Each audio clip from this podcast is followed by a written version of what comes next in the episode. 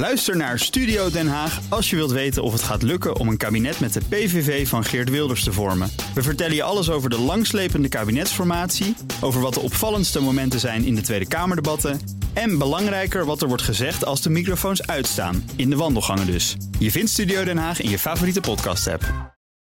BNR Nieuwsradio.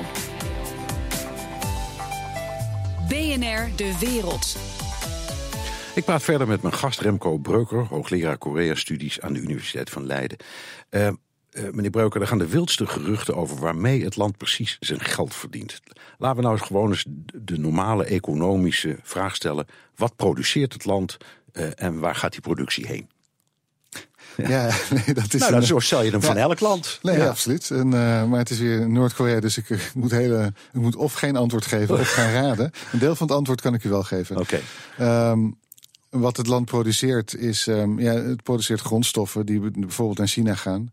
Of nou, het produceert niet, uh, maar goed, het, het, exporteert bijvoorbeeld kool. Als het op dit moment eigenlijk uh, niet mogelijk. Nee, er is nu een, een, een boycott of een embargo. Ja, een, uh, ongeveer. Ja. ja. Maar dat is inderdaad wel lastig. Um, er worden meer dingen uit de grond gehaald die worden verkocht. En voor de rest wat het produceert, dat is heel erg interessant. Want het is niet wat je van een, een doorsnee staat verwacht. En dan, dan hebben we het uh, bijvoorbeeld over uh, drugs. Um, naar verluid uh, zou de, Noord-Korea, de Noord-Koreaanse crystal meth de zuiverste, de puurste ter wereld zijn. Wordt allemaal op, op je gemak geproduceerd. Metamfetamine heet dat ja, geloof ik. Ja. ja.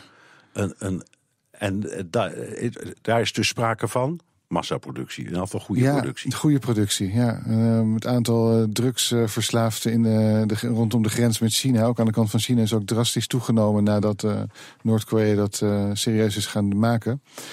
En is dat, is dat om het gewoon zo te zeggen, gewoon voor de wereldmarkt, zoals, zoals in Afghanistan ja, ik, ja.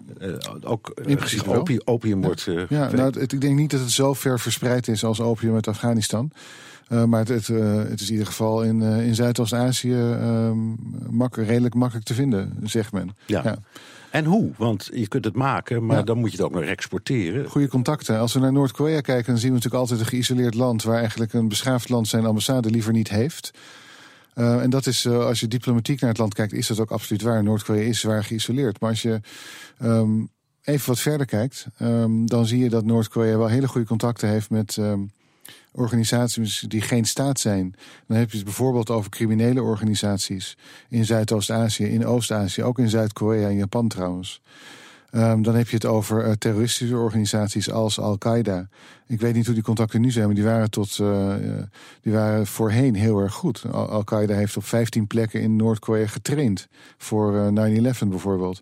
Um, dus dat soort dingen. En die gaan ook heel ver terug, die contacten. Die gaan 40 jaar terug. Uh, met het Midden-Oosten, met allerlei groeperingen die, die er tegen de regeringen daar uh, vochten. En dat zien we heel moeilijk. Dus overal waar je, laten we zeggen, door de hele wereld uh, groeperingen of landen ziet die in isolement worden gedwongen, dan ziet Noord-Korea een kans. Gewoon een ja. zakelijke kans. Het is, ja, het is heel zakelijk, absoluut. Um, ja. U hebt het dan over drugs. Ja dat zal ook gevolgen hebben voor de bevolking zelf. Zijn die ook allemaal uh, collectief aan de doop? Ja, dat is heel moeilijk te zeggen. Er zijn uh, verschillende ooggetuigen geweest die, die inderdaad hebben gesproken van het, het hoge drugsgebruik onder bepaalde, op bepaalde plekken in Noord-Korea. Ik denk niet dat heel het hele land stand is, maar het, er wordt wel gebruikt. Ja. ja. Uh, wat nog meer? Uh... Ja, het belangrijkste is denk ik, uh, wapens is op zich, dat is heel erg afgenomen. De sancties werken daar. Dat is ook wel eens goed om te constateren, dat sommige sancties wel degelijk werken. Maar wat sindsdien de plek van de wapens, de wapenverkoop heeft vervangen, de export van dwangarbeiders. Ja, mensenhandel. Dat, mensenhandel. Dat, dat, dat lees je ook. Hoe werkt het? Leg dat eens uit. Want ja. Hoe, wat doen ze dan? Ja, nee, het, is eigenlijk een hele moderne manier van, van, uh, van slavenhandel, mensenhandel. Uh, Noord-Korea heeft op dit moment in ongeveer 40 landen arbeiders werken. En die worden uitge, uitgestuurd in groepen. Um, die, en ze doen er van alles. Het is meestal bouw, het is ook vaak scheepsbouw, uh, landbouw, ook fabriekswerk, het kan van alles zijn. Maar om in, in ouderwets Nederlandse term te gebruiken, gastarbeiders. Die worden dus. Ja, ja, ja, ja, tot op zekere hoogte. In principe zie je daar weinig verschil in. Behalve het feit dat dit zijn mensen die zijn niet vrij om te gaan en te staan waar ze willen. Hun uh, loon wordt ingehouden. Uh, ze krijgen eigenlijk alleen maar genoeg geld om te overleven. Uh, ze hebben een paspoort niet en ze kunnen geen nee zeggen tegen het werk. Ze kunnen niet stoppen. Hun familie blijft achter in Noord-Korea. En, eh, dat soort dingen. Ehm, En voor- waar zien we ze dan? Want u zegt ze zitten, dat zijn een heleboel. Zeker 40 of zo plekken. Nee, veel meer. Ik denk, oh, 40 plekken, sorry. Ja, ja, Ja? nee, ja, nee absoluut. Geef eens een voorbeeld. Eh, China zitten er heel veel. Ehm, een paar jaar geleden zijn er hon- meer dan 120.000 eh, werkvergunningen verstrekt aan Noord-Koreanen. En Rusland. Ehm, de laatste cijfers eh, spreken van 47.000 eh, Noord-Koreanen in Rusland. Maar het is voordat Rusland en Noord-Korea een nieuw verdrag afsloten om nog meer arbeiders die kant uit te sturen. Sint-Petersburg, eh, de bouw van het World, van wereldkampioenschap, eh, stadion, eh, voetbal. Ik hoor de FIFA daar nooit over en die moet Nee. dat toch weten. Die weet dat. Ja. Ja. En die, eh, die kijken de andere kant uit. Het is, het is goedkope, hoogopgeleide, gehoorzame arbeid. En natuurlijk de EU heeft ze ook. Wij hebben ze ook. Vertel. Ja, eh, Polen. Eh, dat is al een jaar geleden. Het is al een paar jaar geleden vastgesteld. Een jaar geleden hebben we er veel een groot onderzoek naar gedaan. Een rapport over geschreven. Iedereen was verontwaardigd. Het mocht zou niet meer gebeuren. Meer dan eh 800 tot 1000 eh Poolse, Noord-Koreaanse arbeiders in Polen. Die daar volkomen legaal zitten. Met een visum, met een werkvergunning. Maar die daar in een toestand van gevangenschap en slavernij hun werk moeten doen. Onder hele zware omstandigheden. En wat voor soort werk dan? U zegt het is voornamelijk bouw of bouwprojecten. Ja, of dat waar wij dingen. voornamelijk naar hebben gekeken, het scheepsbouw, eh, lassers, heel veel. Het is natuurlijk een hele grote scheepswerf in Polen, maar bijvoorbeeld ook tomatenpluk ehm, en, en, en ehm, ehm, de bouw. En dat is niet, eh, is niet het enige land. Er zijn meer landen in de EU waar we op dit moment onderzoek naar doen. En dat, kijk, en dat is het probleem. Eén één punt is de mensenrechten die, van deze mensen, al hun rechten die op alle mogelijke manieren worden geschonden. Maar dit brengt ook aardig wat geld in het laadje. Je hebt, ehm, eh, stel dat je maar duizend werknemers hebt in eh, duizend Noord-Koreaanse dwangarbeiders in de EU.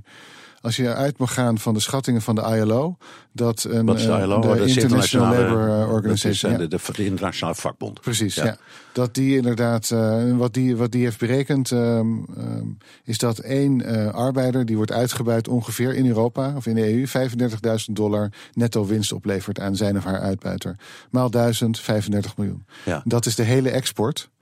Ehm, van eh, de hele handel, het hele handelsvolume tussen Noord-Korea en de EU op dit moment. En dat is alleen maar wat we weten. U Ehm, noemde, u noemde Polen, u zei we ja. onderzoeken meer. Hebt u andere landen op het oog of in het vizier? ja, Vertel. nee, Ja, dat kan wil ik niet. Dat kan ik nu niet doen. Als het zo gauw het, eh, zo gauw het Maar, maar, maar is, ik, ik, graag, ik stel eh, hem even zo simpel mogelijk. Gaat het ook Ja. over Nederland, dit onderzoek? Nee, Het gaat niet over Nederland. gaat het, over gaat het over Ja. wat, als ik het zo maar kort door de bocht mag zeggen, de beschaafde landen in eh, West-Europa? Ook. Ook. Ja. En het gaat ook over voormalige Oostbloklanden. Waar natuurlijk de, de contacten met, met Noord-Korea er zijn. En wanneer komt Ja. dat onderzoek? Wanneer, want u bent met dat onderzoek Ja. bezig, neem ik aan, op uw universiteit. Wanneer, Ja. wanneer komt het? Ja, nou dan vraagt u me een gewetensvraag. Stelt Nou een gewetensvraag. Over drie maanden tot zes maanden. Ja. Ja. Nou, dan zien we u nu al, zeg ik nu al, hier graag eh, terug Nou, eh, heel graag. in, in deze studio. Eh, nog even, u zegt met die wapenverkoop, daar gaat het niet meer zo goed. Dat deden ze. ze- Ja. Eh, aan wie? Ja, nee, en wie niet? Dat is eh, weer de ehm, eh, staten in het Midden-Oosten, staten in Afrika, waar ze trouwens ook, en dat gebeurt nog steeds, de leger, ehm, het leger trainen, politie trainen, bodyguards leveren.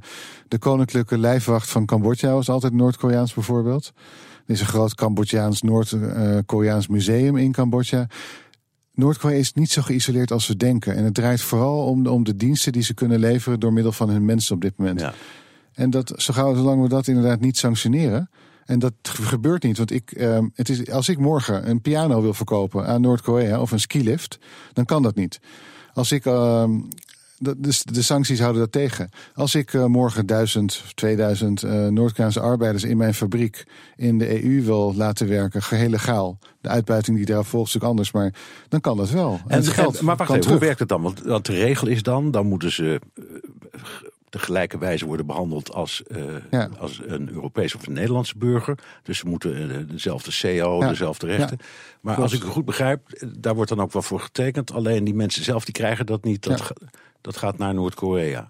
Ja, nou, de arbeid, bijvoorbeeld in Polen, ehm, de arbeidsinspectie weet dat en kan er voor de rest niks aan doen. Want er moet, het moet, er moet natuurlijk wel gevolg aan worden gege- vervolg aan worden gegeven door, door bijvoorbeeld de politiek of door, door je officier van justitie. En dat gebeurt niet. Dus, Nee, maar dan moet natuurlijk ook in zo'n geval iemand aangifte kunnen doen. Ja, en dat is heel moeilijk. En dat is Ja, moeilijk, want ja, die Noord-Koreaan die pleegt zelfmoord daarmee, als hij dat doet. Ja, en, eh, En zijn familie. Ja. Maar goed, dan, eh, dan doen wij graag aangifte namens uitgebuiten Noord-Koreanen. Dat gaan we ook doen. Uh, hoe, dat gaat, uh, hoe, dat, hoe dat gaat, dat moeten we natuurlijk even afwachten. Maar dat, zo makkelijk is het dus wel. Het, het heeft helemaal gelijk, het mag niet. Ze moeten gelijk worden behandeld aan alle andere werknemers in de EU. In de praktijk gebeurt het niet. Het wordt geconstateerd, maar daarna wordt er niet meer opgetreden. Nee. En dat is het probleem. Als je kijkt naar het, de, de totale uh, arbeidsomvang. Hoeveel, hoeveel, hoeveel Noord-Koreanen zijn er door Azië en Europa zo volgens dit soort ja. constructies aan het werk? Uh, en halen dus de miljarden binnen voor de staat. Ja, het, het, is, het zijn hele ruwe gokken, dat moet ik erbij zeggen. Maar ergens tussen 150 en 250.000 Noord-Koreanen, denk ja, ik. Ja. Uh, het meest pikante vind ik, dat verhaal over Polen is natuurlijk geweldig, maar ook de bouw van uh, de stadions of de infrastructuur ja. in Sint-Petersburg. Ja. Um, is er door u bijvoorbeeld, of door collega's van u, al een beroep gedaan op of de FIFA of op de Russen zelf om in te grijpen? Ja, dat doen wij niet. Uh, maar dat wordt inderdaad gedaan. Um, er worden ook processen voorbereid in Rusland. Uh, van, van gevluchte Noord-Koreanen, die ontzettend dapper, dus de Noord-Koreaanse staat in Rusland willen gaan aanklagen. Dat dat wordt gedaan. Het loopt heel moeizaam, ja. heb ik begrepen. Ja, nou ja, je had een, een vergelijkbare zaak in Qatar. Ja. En ook dat, iedereen ja. weet dat inmiddels. Ja. En ook dat heeft nog niet geleid tot annulering nee. of tot werkelijke vervolging. Nee, klopt. Waar ook inderdaad Noord-Koreanen zaten in Qatar. Ja, ja. en daar, daar kwamen ook mensen letterlijk om in de omstandigheden. Is daar in Rusland ook sprake van? Ja. Dus er gaan slaven, Noord-Koreaanse slaven, in Rusland dood bij het bouwen van uh, het, uh, het feestje van het wereldkampioenschap voetbal. Ja, het dat is, is zo. Het is een, buik, een bitter verhaal. En het wordt erger, want het geld gaat naar de raketontwikkeling, naar de kernwapenontwikkeling. Uh, het is inderdaad een heel bitter verhaal. Ja. Ook Bas van Werven vind je in de BNR-app. Ja, je kunt live naar mij en Iwan luisteren tijdens de ochtendspits. Je krijgt een melding van Breaking News. En niet alleen onze podcast Ochtendnieuws, maar alle BNR-podcasts vind je in de app. Download nu de gratis BNR-app en blijf scherp.